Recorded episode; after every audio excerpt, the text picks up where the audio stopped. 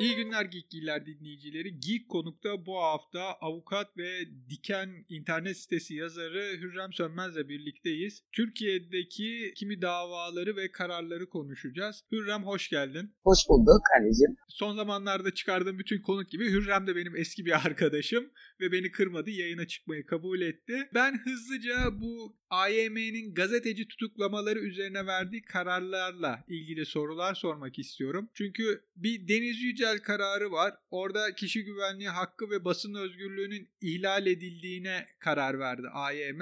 Hatta Deniz Yücel'de 25 bin TL manevi tazminat ödemesi istendi. Sonra geçenlerde Altan kardeşler ve Nazlı Ilıcı'nın davası ayrıca altı sanığın daha olduğu davayla ilgili Yargıtay'dan bir karar çıktı. O kararda da Yargıtay dedi ki Mehmet Altan hakkında verilen durum hani AYM'nin ve AHİM'in verdikleri doğru. Fakat Ahmet Altan'la Nazlı Ilıcak konusundaki dava dosyaları birebir benzeşiyordu. FETÖ'ye bilerek ve isteyerek yardımdan suçlular. Fakat şeye e, cebir ve şiddet eylemlerine katılmadılar. Evet, anayasal düzeni bayağı teşebbüs onlarla mahkumiyet dayanağı olan madde suç vasfının değişebileceğine hükmetti Yargıtay. İstersen kronolojik gidelim çünkü önce Anayasa Mahkemesi kararı çıktı.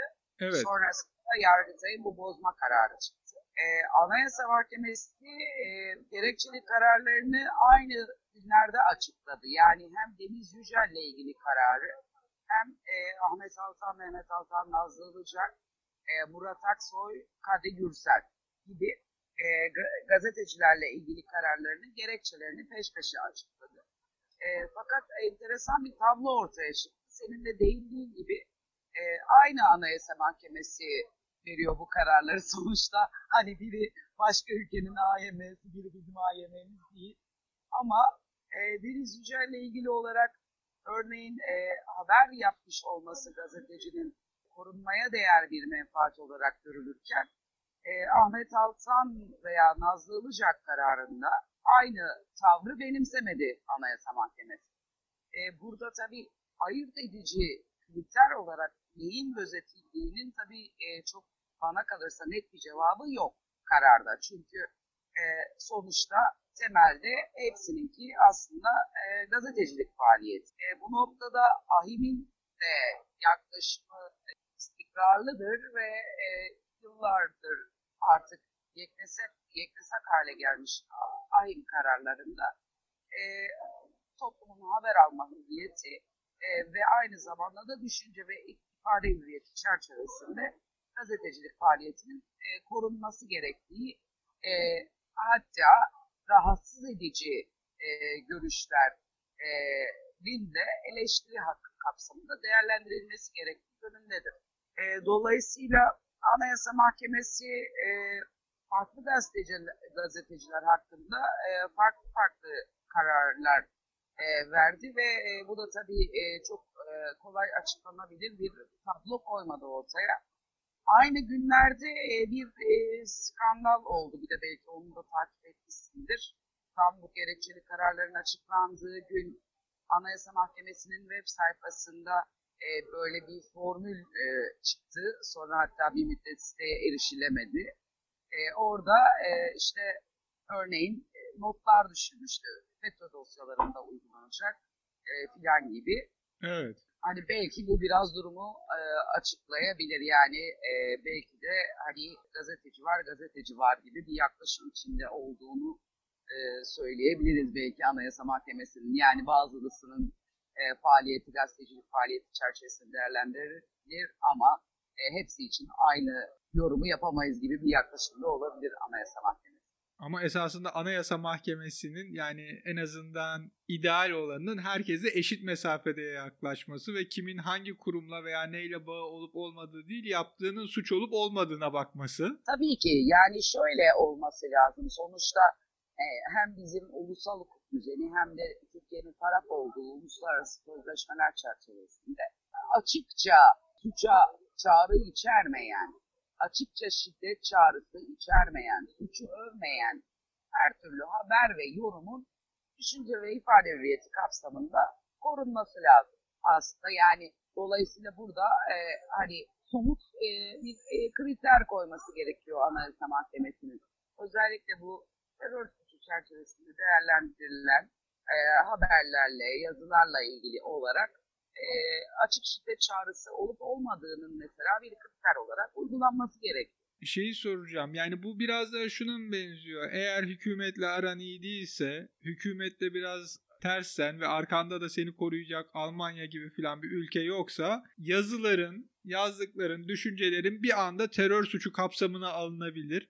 Hatta seninle aynı dosyada birebir aynı şekilde e, yargılanan biri serbest bırakılırken seni biz içeride tutarız. Yani şimdi tabii sonuçta ben e, bir avukat olarak e, bu bunun böyle olduğunu söylemekten imtina ederim. E, bizim için e, daima biz işte e, böyle olmayan ve yargının e, bağımsız olduğu bir e, sistemi savunmak durumundayız. E, ama e, tabii Türkiye'de son yıllarda yargıda yaşanan gelişmeler ve ortaya çıkan tablo hukuk güvenliği anlamında e, son derece e, olumsuz bir tablo yaratıyor. Yani hukuk güvenliği nedir? E, sonuçta kişiden kişiye değişmeyen somut kriterlerin olabilmesi ve kişinin kendisini yargı teminatı altında hissedebilmesidir. Haklarının ve özgürlüklerinin. Örneğin kişi güvenliği hakkının yargı güvencesi, hukuk güvenliği altında olduğunu bilmesidir hukuk güvenliği. O anlamda da evet yargının e, siyasallaşması elbette ki bireylerin e, hukuk güvenliği anlamında son derece e, ciddi bir tehdittir. Bu bütün e, demokrasiler için geçerli. Peki ben bir de Gezi davasına değinmek istiyorum. Hani Gezi davası tam olarak şimdi ne suçlama veya hani bunu bilmeyen veya merak edenlere basitçe bir anlatabilir miyiz? Şu an neyle suçlanılıyor? Dava dosyasında neler var? Ee, şimdi Gezi davasının önümüzdeki hafta duruşması görülecek 18 ve 19 Temmuz'da. E, bildiğin gibi e, Osman Kavala tutuklu yargılanıyor dosyada. E, iki tutuklu vardı. Geçen celse Yiğit Aksakoğlu serbest kaldı. Şu anda bir tutuklu var. Onun dışında da e, 13 sanık daha var dosyada. E, bu 2004 yıl, e, pardon 2013. Gezi devam ederken yani 2013'te başlamış bir soruşturma aslında. E, tabii e, 2013'te başlayan bir soruşturmada nasıl oluyor da 6 sene sonra iddianame düzenlenip yargılama başlayabiliyor. Bu hani sadece hukuk mantığıyla değil normal yüz mantıkla bile açıklamakta zorluk çekeceğimiz bir durum. Ee, orada da yine anayasal düzeni yıkmaya teşebbüsle yargılanıyorlar. Yani ağırlaştırılmış müebbet hapistir bunun Ceza Kanunu'ndaki karşılığı. TCK 309 maddesiyle yargılanıyor iddianame ona göre düzenlenmiş durumda. Toplamda e, şu iddia ediliyor. Soros ve OTPOR gibi yabancı e, kaynaklı dışarıdan gelen bir takım müdahalelerle Türkiye'de e, gezi eylemlerinin Osman Kavala tarafından finanse edildiği ve iddianamede yer alan bu 13 kişinin e, gezi eylemlerini e, ülke çapında yaygınlaştırmaya, derinleştirmeye e, çalışarak anayasal e, rejimi yıkmaya teşebbüs ettiği, savcının söylediği bu. E, ama tabii böyle bir iddianame bu son derece ciddi bir suçlama ağırlaştırılmış müebbet bizim kanunlarımızdaki en ağır cezai yaptırım. Böyle bir suçlamayla karşı karşıya olduğumuz bir iddianamenin buna yeterli delillerle desteklenmesi gerekiyor. E, biz e, görebiliyor muyuz Gezi dosyasında bunu? Tamamen e, dinlemelere dayanıyor.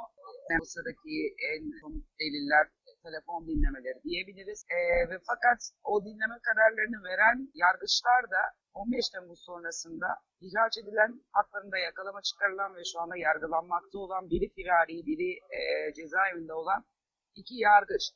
Ve e, şu tabii son derece dikkat çekici.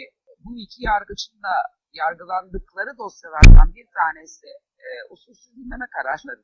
Yani e, 17-25 Aralık sürecinde usulsüz, usulsüz dinlemelere imza attıklarından bahisle yargılanıyorlar. Aynı yargıçların verdiği dinleme kararlarıyla ilgili ama şu anda 13 kişi e, işte bu Gezi Kavala dosyası çerçevesinde müebbet hapiste ağırlaştırılmış müebbet hapis e, tehdidiyle yargılanıyor vaziyetteler. Bu tabii son derece absürt. Öte yandan soruşturmayı başlatan e, savcı da yine Gülen yapılanması içinde olduğu suçlamasıyla e, firari. O vakit 2013'te bu soruşturma başlatılıyor, deliller toplanıyor, işte e, telefon dinlemeleri yapılıyor ve sonrasında bu işte bizim e, bahsettiğimiz bu kişilerin e, Gülen yapılanması içinde olmasından kaynaklı FETÖ sanığı olmalarından kaynaklı olarak şu anda ihraç edilmiş veya tutuklu olmalarına mukabil iddianamenin e, sonunda şöyle bir ifade yer alıyor. İşte deliller tarafımızca tekrar e, değerlendirildi. Kıymetlendirilmek suretiyle işte FETÖ izleri silindi. Yani, bu şimdi bizim ceza yargılaması hukukumuzda ilk defa karşılaştığımız bir durum diyebilirim. Kıymetlendirme diye bir kavram e, bizim ceza muhakememizde yok. E, yani bir delil ya kanuna aykırı delildir ya da hukuka uygun yollarla elde edilmiş hukuk uygun bir delildir. E, onun dışında yani dosyada tabii son derece absürt bir sürü şey var. Ben hani en dikkat çekici olanlarına değinmeye çalışıyorum burada seninle konuşurken. Mesela bu kişilerin gezi eylemlerini yaygınlaştırmaya ve derinleştirmeye ve bu surette anayasal düzeni yıkmaya teşebbüs ettikleri iddia ediliyor. Ama buna dayanak gösterilen telefon dinlemeleri, iletişimin tespiti tutanakları e, gezi eylemlerinin sönümlendiği yani o 15 Haziran'ı takip eden Temmuz aylarında filan başlıyor. Dolayısıyla hani bitmiş olan bir şeyle ilgili nasıl e, hem organize etmek hem de derinleştirmek ve yaygınlaştırmakla suçlandığını e, anlamak pek mümkün olmuyor. Yani tekrar net olması için söylüyorum. Telefon dinlemeleri 2013 Temmuz'u itibariyle, Temmuz ortası itibariyle başlıyor ama gezi eylemlerinin yoğunlaştığı ve sona erdiği Haziran ayıydı. Ve bitmiş bir eylemin ardından yapılan telefon görüşmelerine bakılarak bu suçlamalar oluşturuluyor. Tabii yani e, iddia makamı işte diyor ki e, iddianamede siz e, bu gezi eylemlerini organize ettiniz diyor mesela. Ama organize ettikleri suçlaması yöneltilen kişilerin buna delil gösterilen telefon konuşma kayıtları Temmuz tarihi yenerken. Bir de şey bu galiba son dönemde Türk hukukunda çok rastlanan bir durum. Çünkü Selahattin Demirtaş da geçen gün Twitter'dan yaptığı açıklamada kendisinin hapiste olmasına sebep olan savcı fezlekesi işte iddianame kısmı ile ilgili bu savcının Gülen cemaati yapılanmasıyla ilgili tutuklandığını ama kendisine yönelik yapılan işte tutuklanmasına sebep olan iddianamenin herhangi bir şekilde değişmediğini yani savcı içerideyken ya da işte yanılmıyorsam hakim de aranıyorken kendisinin neden hapiste olduğunu ve söylenen hani iddia edilen suçlamaların hiçbirinin de esasında suçlama olmadığını yani partisinden kişilerle konuştuğunu fakat bu kişilerin terör örgütü üyesiymiş gibi gösterildiğini belirtiyordu. Doğru. Bu elbette son zamanlarda çok sık rastladığımız bir durum ne yazık ki. Ee, şöyle bir şey var yani biliyorsun 15 Temmuz'un sonrasında yargı teşkilatının e, e, neredeyse dörtte biri ne tekabül eden hakim ve savcı görevden ihraç edildiler ve bunların büyük bir kısmı hakkında da e, soruşturma, kovuşturma başlatıldı, e, tutuklandılar e, filan. Fakat bu hakim ve savcıların e, şimdi bunların da aynı şekilde hükümeti yıkmaya teşebbüs e, ettiğinden bahisle e, suçlanıyor ve devlet içinde bir çete oluşturmakla suçlanıyorlar. Fakat bu çete oluşturduğu iddia edilen hakim ve savcıların hazırladıkları e, iddianameler, yaptıkları yargılamalar konusunda e, herhangi bir e, tasarrufta bulunulmadı. Yani onlar aynen e, olduğu gibi e, devam ediyor. E, siz sonuçta elindeki gücü yani yargı gücünü kötüye kullandığını iddia ettiniz birisi hakkında. Yani e, belli bir kesimin menfaati için veya kendi kişisel menfaati doğrultusunda, kendi e, politik ajandaları doğrultusunda suistimal ettiklerini iddia ettiğiniz kişilerle ilgili onların e, bu faaliyetleri çerçevesinde yaptıkları soruşturmalarda e, hiçbir hukuka aykırılık e, bulmuyorsunuz o zaman demek ki. Yani hani devlete devamlılık esastır evet ama bu kadar devamlılık esas mıdır? Hakikaten bizim açımızdan pek bunu izah edebilmek mümkün olmuyor. O yüzden Selahattin Demirtaş'ın o bir dizi tweetini ben de okudum. Evet delillerle ilgili orada tabii ki çok önemli tespitleri var. Ve hani şaka değil sonuçta bu kadar zamandır e, bir sürü insan özgürlüğünden yoksun bırakılmış durumda kişi güvenliği hakları ihlal edilmiş vaziyette cezaevindeler. ve bu kadar uydurma delillerle ve de devlet nezdinde suç işlediği iddia edilen kişiler tarafından hazırlanmış e, iddianameler, yapılmış soruşturmalarla bu insanlar cezaevinde tutuluyorlar. Ben şimdi bir de senin yazar tarafına, avukat kimliğini, avukat cübbeni bırakıp yazar cübben yazar kimliğinle ilgili bir şey sormak istiyorum. Türkiye'de son dönemde giderek artan kadınlara çocuklara ve hayvanlara şiddet ve bunların cezasız kalması. Senin yazılarında da çünkü ben bunları okuyorum ve sen bunlara karşı oldukça güzel yazılarla karşı çıkıyorsun. Bunlar senin hiç hoşuna gitmiyor. Herkes gibi, çoğu insan gibi ve bunları çok güzel dile getiriyorsun. Peki ne olacak bu işin sonu nereye varacak? Ya ne düşünüyorsun bir yazar olarak ne düşünüyorsun? Teşekkür ederim yazar olarak kabul ettiğin bu e, yorumları da yaptığın için sağ ol. E, ne düşünüyorum? Yani elbette şiddet artıyor. Bunu ama e, genel e, tablodan bağımsız zaten değerlendirebilmek mümkün değil. Yani sonuçta bireysel şiddetin bu kadar artmasının, bireysel silahlanmanın bu kadar artmasının içinde yaşadığımız sistemle e, paralellik gösteren bir durumu var. Ve yani ne yazık ki gücü olanın gücü yetene istediğini yapabildiği algısı bunu çok besliyor. Kadın daha güçsüz konumda fiziksel olarak örneğin erkeğe karşı ve e, erkek şiddetine maruz kalıyor. Çocuklar e, dezavantajlılar, fiziksel manada daha korunmaya e, muhtaç durumdalar, daha güçsüzler ve daha çok şiddete uğruyorlar. Ve keza senin söylediğin şekilde hayvanlar. Yani e, bunu şu andaki e, otoriteyle birey ilişkisinden bağımsız değerlendirebilmek mümkün değil. Çünkü örneğin aile içi şiddet de aslında e, iktidar ilişkisinin bir mikro örneği. Aynı şekilde benzer şekilde sokakta, okulda, kamuda e, şiddetle bu kadar çok karşılaşıyor olmamızın tam da şu an şu dönemle son derece ilişkili olduğunu düşünüyorum. Ha nasıl e, bununla başa çıkacağız? E, tabii hani e, her tez aynı zamanda e, antitezini de ortaya çıkarıyor. E, bir, yandan da biliyorsun e, son derece toplumsal duyarlılık da gelişiyor. Yani e, hayvana e, şiddete karşı, e, kadına şiddete karşı e, önceye oranla çok daha e, bilinçlenme de var şu anda. Ve e, dikkatini çekerse toplumsal eylemlerin son derece e, düşük seyirde gittiği bir dönemde geç, e, dönemden geçiyor olmamıza rağmen örneğin 8 Mart yürüyüşleri hala Türkiye'de son derece şey geçiyor, güçlü e, bir kadın hareketi var ve bununla aşılabileceğini düşünüyorum. Yani e, sosyal medyanın da bunda etkisi çok fazla. Tabii internet kullanımının yaygınlaşmasının da bunda etkisi çok fazla. E, gizli kalamıyor, üstü örtülemiyor. E, devlet bu konuda e, kendi üstüne düşen sorumlulukları yerine getirmiyor. E, zaten bakış açısı ve benimsediği siyaset açısından da o üstüne düşen sorumlulukları yerine getirmiyor olmasının e, gerekçeleri var. E, örneğin e, kadından e, sorumlu bakanlık Aile Bakanlığı olarak değerlendiriliyor biliyorsun. Ama diğer taraftan e, sivil inisiyatifler e, güçleniyor bu konuda. E, sıradan vatandaşın bakış açısı değişiyor. E, o yüzden de ben e, hala umut e, vaat, vaat ettiğini düşünüyorum. Ümitli bakmaya gayret ediyorum. Peki son olarak bu ı, karısını öldüren ya da işte sevgilisini öldüren, boşanmış eşini öldüren erkekler hani artık herkesin bildiği ceket e, takım elbiseyle gidip tıraş oldu mu mahkemede sessiz kaldı mı iyi hal indiriminden yararlanıyor. Hatta geçen de bir hakim e, avukatın etek boyunu sorduktan sonra olay çıkınca iki fotoğraf vardı.